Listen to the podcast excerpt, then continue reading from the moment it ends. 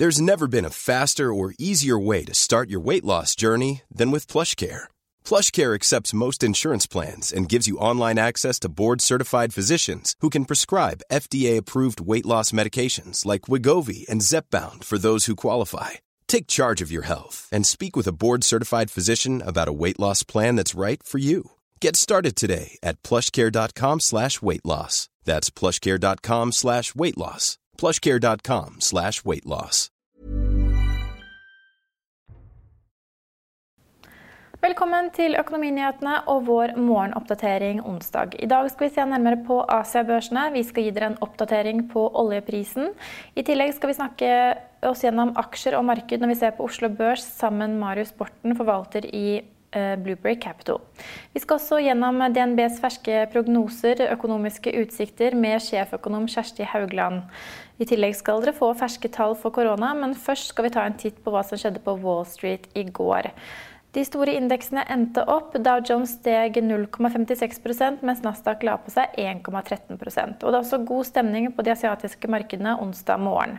De japanske børsene holder imidlertid stengt grunnet grunnlovsdagen, mens vi ser at Hang Seng Hong endte opp 1,3% mens CSI 300 i Kina steg 0,5 Oljeprisen har styrket seg de siste dagene, og akkurat nå ser vi en brentolje som ligger rundt 31 dollar fatet. Vi skal se på hva det er som er med å drive oljeprisen opp. So what are you seeing in the oil industry? Could we finally say that the supply glut has peaked?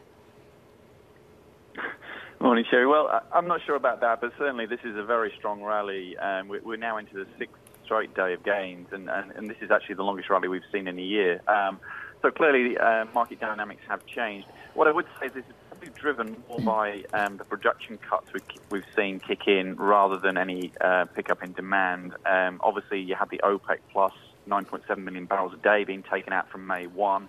And also, uh, US shale producers are drastically cutting back their activity. We had another couple um, Diamondback Energy and Parsley Energy, both in the last 48 hours, announcing uh, production cutbacks. So that's that's what's driving this this strong rally back above $25 a barrel now. But I think it, uh, for it to be sustained, we're probably going to need uh, to see more of a recovery on the demand side. Vi skal til Oslo Børs, som er ned fra morgenen av onsdag. Vi ser også at det er et lite press ned på oljeprisen. Brentoljen ligger nå vaker under 31 dollar fatet. Vi har også fått kvartalstall fra Aker BP som viser at de er kraftig preget av koronakrise og oljeprisfall. De fikk et resultat før skatt på minus 4,3 milliarder kroner, og det var kraftig dårligere enn hva analytikerne hadde ventet seg på forhånd. Vi tar også med oss at Nordea Markets oppgraderer Bakkafrost fra hold til kjøp og setter kursmål på 595 kroner per aksje. DNO eh, signaliserer at de har gjort et oljefunn i irakisk Kurdistan. Ellers så er det mange nye selskapsnyheter som dere kan lese på finansavisen.no. Nå skal vi til gründer av eh, Blueberry Capital og forvalter Marius Borten for å høre mer om hva han tenker om aksjer og markedsutsikter akkurat nå. God morgen, eh, Marius Borten fra Blueberry Capital og forvalter. Du og dere var tidlig ute med å ta ned aksjeeksponeringen i forkant av koronakrisen, og ved inngangen til april så hadde dere ca. 40% i aksjemarkedet. Hva tenker du nå? Jeg er nok like skeptisk nå som jeg var ved inngangen til april. Eh, det som har skjedd i mellomtiden, er at eh, børsen har steget ganske mye. Samtidig så har man fått litt mer klarhet i koronaviruset. Men man er veldig usikker på hvordan dette slår på inntjeningen særlig til høsten og inn i 2021. Så vi, eh, vi holder en ganske konservativ profil nå. Vil det si at dere har eh, beholdt aksjeeksponeringen på 40% eller har det vært noen muligheter som har vært for gode til å ta? Ehm, jeg har oppdatert eh, månedstallene for april i går. Og da ligger vi på ca. 40% inn mot mai også. Ehm, jeg er faktisk veldig usikker og føler at man kanskje får litt mer klarhet i løpet av mai på, på retningen. For markedet har vært forferdelig sterkt nå i april. Uh, i løpet, så Vi har ikke gjort så mye egentlig med aksjeandelen i løpet av april, men vi har gjort en del uh, trading da, for å bare catche litt kortsiktige muligheter. Uh, og det meste av det har egentlig gått ganske bra. da. Men det er ikke noe langsiktige posisjoner man ønsker å ha. da. Nei. Men hva var det som var for bra til å la muligheten gå fra seg, da? Har du et eksempel? Eh, nei, vi har vært i tank bl.a. Det tror jeg flere har vært. Eh, og det har eh, vært ekstremt volatilt, men eh, vi har kommet ganske greit ut av det. Det har jo spesielt vært i Okeanis, ADS Crude, Courage og um, Hunter. Hvis du, når vi snakket med deg sist i begynnelsen Dere har solgt alt nå? Ja. Betyr det at du tror at uh, oljemarkedet er på vei tilbake? Jeg noterte meg at oljeprisen gikk gjennom 30 dollar fatet. Og det, det, viser litt underliggende styrke. Og da føler jeg jeg ikke komfortabel med å sitte i tankaksjen lenger. Uh, men jeg tror, jeg, jeg, personlig så tror jeg ikke at uh, dette her er løst i løpet av mai-juni. altså. At du kan få en ny runde ned igjen. da. Men da, da er det bedre å heller hoppe på igjen. Men da kan vi jo gå rett videre til Equinor, fordi du var også short i Equinor. Eh, en høyere oljepris sender jo den aksjen opp, men hva tenker du om den fremover? Vi er fortsatt short Equinor. Vi har faktisk lagt, økt posten. Eh, det er fordi at Equinor har steget såpass mye, eh, selv om oljeprisen har vært veldig lav. De måtte kutte utbytte, Og den posten er egentlig en hedge mot andre poster i porteføljen som vi føler er mye mer robust og har mye bedre utsikter i, neste, i løpet av året de neste tolv månedene. Og Derfor tror vi at de aksjene skal outperforme Equinor-posten signifikant. Og siden vi er usikre på markedet, så har vi, gått, har vi en mer long short-tilnærming. Hva er noen av de aksjene dere sitter lang i nå, da? Vi sitter lang um, ja, Mot Equinor-posten så sitter vi lang Telenor, Gjensidige. Uh, vi sitter lang Nofi, vi sitter lang S-banken. Vi sitter uh, lang Entra, Eiendomsspar. En rekke aksjer? Egentlig, er det, er det aksjer med veldig robust balanse, som er, uh, enten er i god utbytteposisjon, har en grei inntjening, gode eiere, god corporate governance og ikke altfor sensitiv inntjening. Da. Jeg ser du sitter i skogen. Eh, eh, det er sikkert ikke tilfeldig med, med, et navn som Blueberry, men du snakket også sist gang med Finansavisen eh, da vi intervjuet deg om at skog og um, gull var to underliggende trender eller, eller sikre områder i fremtiden. Er du, er du av samme oppfatning nå? Mm. Ja, eller Årsaken til at jeg sitter i skogen er fordi Blueberry Capital ble grunnlagt for nesten ti år siden midt i Nordmarka. Og i anledning at jeg skulle bli intervjuet her, så tenkte jeg kunne um, gjøre et lite comeback. Særlig når været også var fint. Uh, og så passer det også bra at vi er veldig positive til både skog og gull. Jeg vet ikke om det finner så mye gull i Nordmarka, men uh, skog finner du i hvert fall. Uh, vi tror det er to trender som kommer til å vedvare i to til ti år. Og kommer nok bare til å øke eksponeringen ytterligere i løpet av 2020. Vi har ikke full posisjon nå, det er fordi vi er kraftig usikre til markedet. Og da vil typisk tidevann dra med seg alle aksjer, inkludert gold mining og ja, svenske og finske skogselskaper. Ja. Har du noen eksempler på hvilke av disse svenske og finske skogselskapene du har mest tro på? Akkurat i disse tider så liker jeg veldig godt eh, SDA og, um, og egentlig bare dem. og Det er fordi de har veldig mye verdier i selve skogen. da.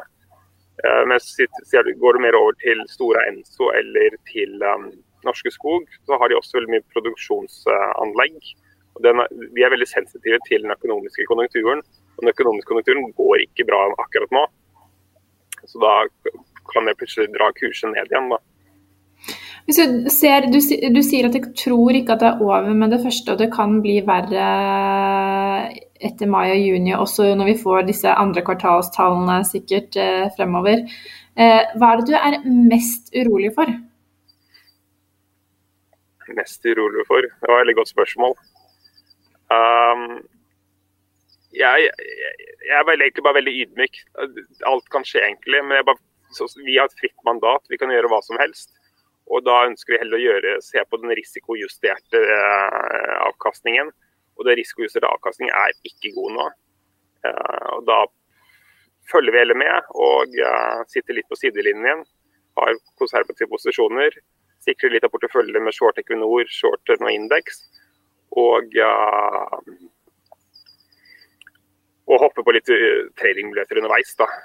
Jeg er ikke så usikker på noen ting, egentlig. Det, sånn, jeg er ikke bekymret for noe. Den får bare komme som den kommer.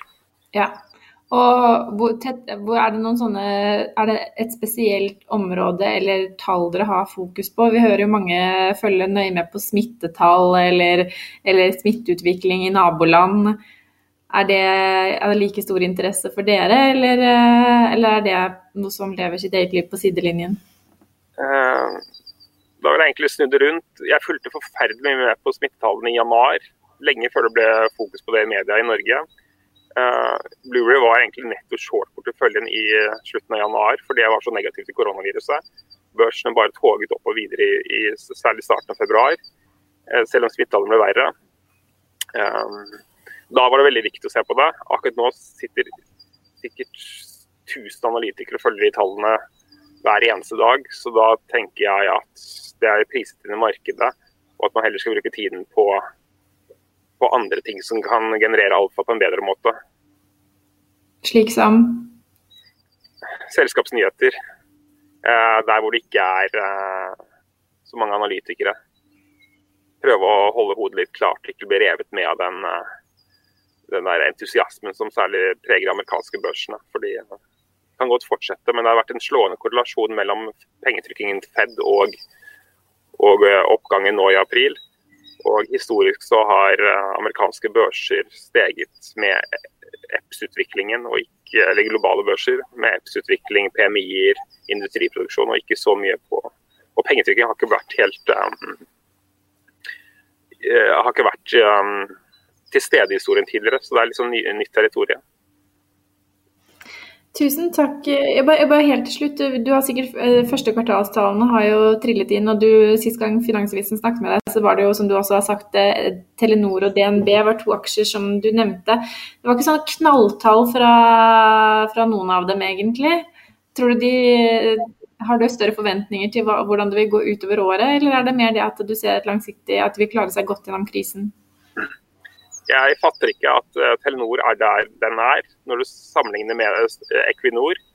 Uh, for det var en liten periode i, i um, april hvor du kunne se at Equinor hadde gjort det bedre enn Telenor de siste tre månedene, altså gjennom koronakrisen.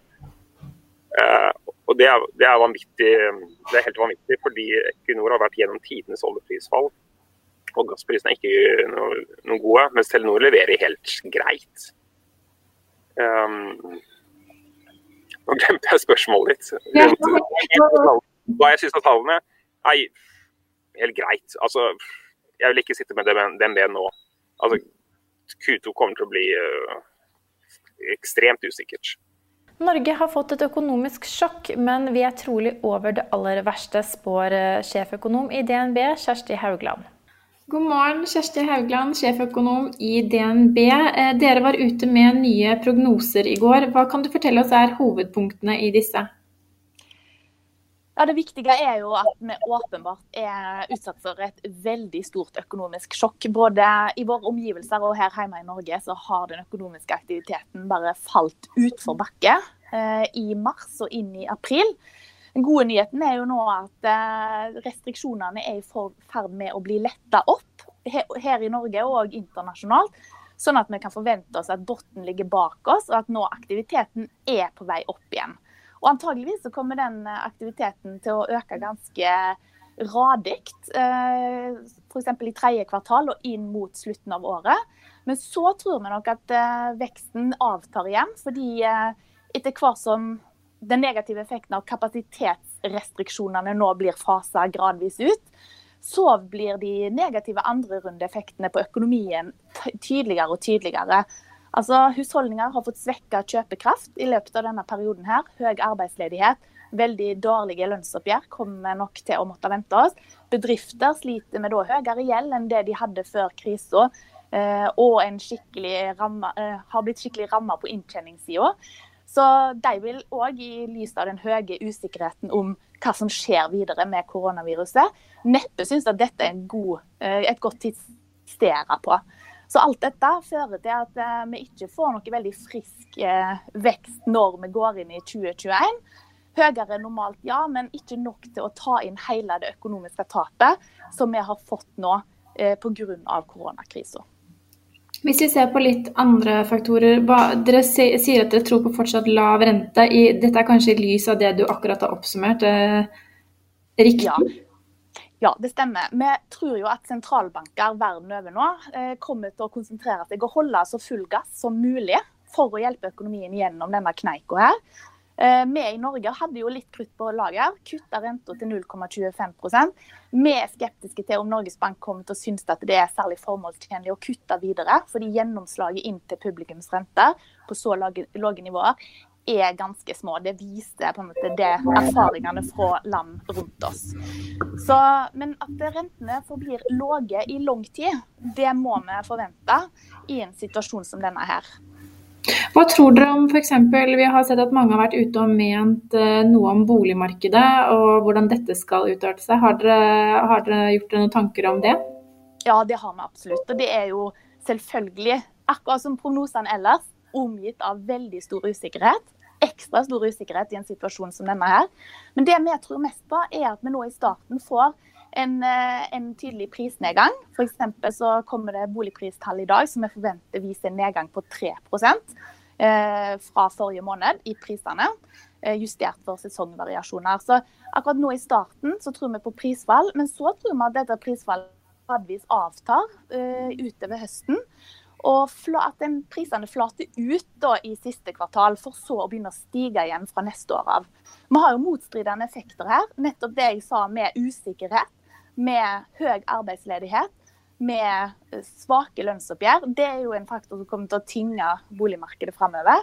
Men så har vi i bunnen eh, en finanspolitikk som bidrar til å dempe usikkerheten for folk flest, med den vissheten om at her kommer de til å gjøre whatever it takes for å få økonomien på fot igjen i lag med rentekuttene fra Norges Bank, som holder rentene nede på veldig lave nivåer. Og så eh, lempeligere krav til boliglån, som regjeringa har eh, innført. Altså mer fleksibilitet for bankene til å gi eh, boliglån. Så i sum så tror vi altså at boligprisene i år kommer til å ende opp 4% lavere enn de var i gjennomsnitt i fjor. Men så tror vi altså ikke på det store stupet i boligprisene. Eh, og, og, hvis vi ser på norsk krone, har jo holdt seg svak eh, lenge. og har vært vanskelig å spå også. Men hva, hvor viktig er en lav norsk kronekurs for, eh, for, Norge nå, som vi skal gjennom en gjeninnhenting? Jeg tror det blir viktig på lang sikt å ha mest mulig konkurransekraft. En svakere krone gjør oss jo da relativt mer konkurransedyktige mot handelspartnere. Det blir billigere å kjøpe våre varer relativt til andre. Så det er jo positivt. Men akkurat nå i denne situasjonen så virker nok ikke kronekursen så veldig positiv på norsk økonomi samla sett. Fordi etterspørselen internasjonalt er så lav uansett.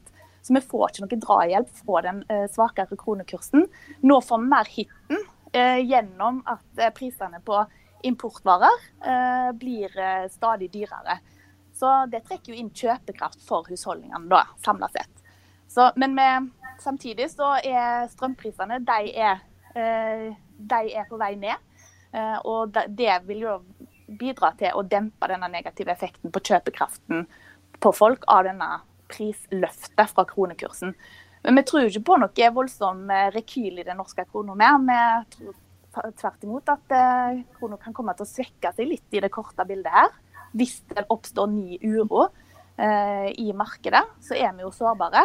Men så trekke litt sterkere igjen, men fortsatt på nivåer som er vesentlig svakere enn det man har sett historisk. Oljeprisen tror dere også er over det verste, etter hva jeg kunne lese? Ja, det stemmer. Vår oljeanalytiker eh, Helge André Martinsen han publiserte også nye prognoser i går. og Der anslo han at etter en eh, svært så svak oljepris eh, nå i år, så kommer ting til å ta seg betydelig opp mot slutten av året. Og at vi på litt lengre sikt kan se en oljepris opp mot 60 dollar. Og da snakker vi noen års sikt. Og det er jo nettopp som følge av at investeringene blir kutta over en låg sko nå globalt innenfor olje- og energisektoren. Så til de ferske koronatallene for Norge. Akkurat nå er det 7955 som er testet og bekreftet smittet av koronaviruset. Vi har om lag 70 innlagt på sykehus og 215 døde.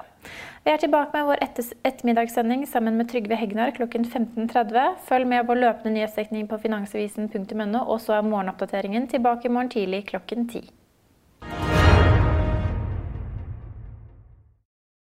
Økonominyhetene er en podkast fra Finansavisen. Programledere er Marius Lorentzen, Stein Ove Haugen og Benedikte Storm Bamvik. Produsenter er Lars Brenden Skram og Bashar Johar. Og ansvarlig redaktør er Trygve Hegnar.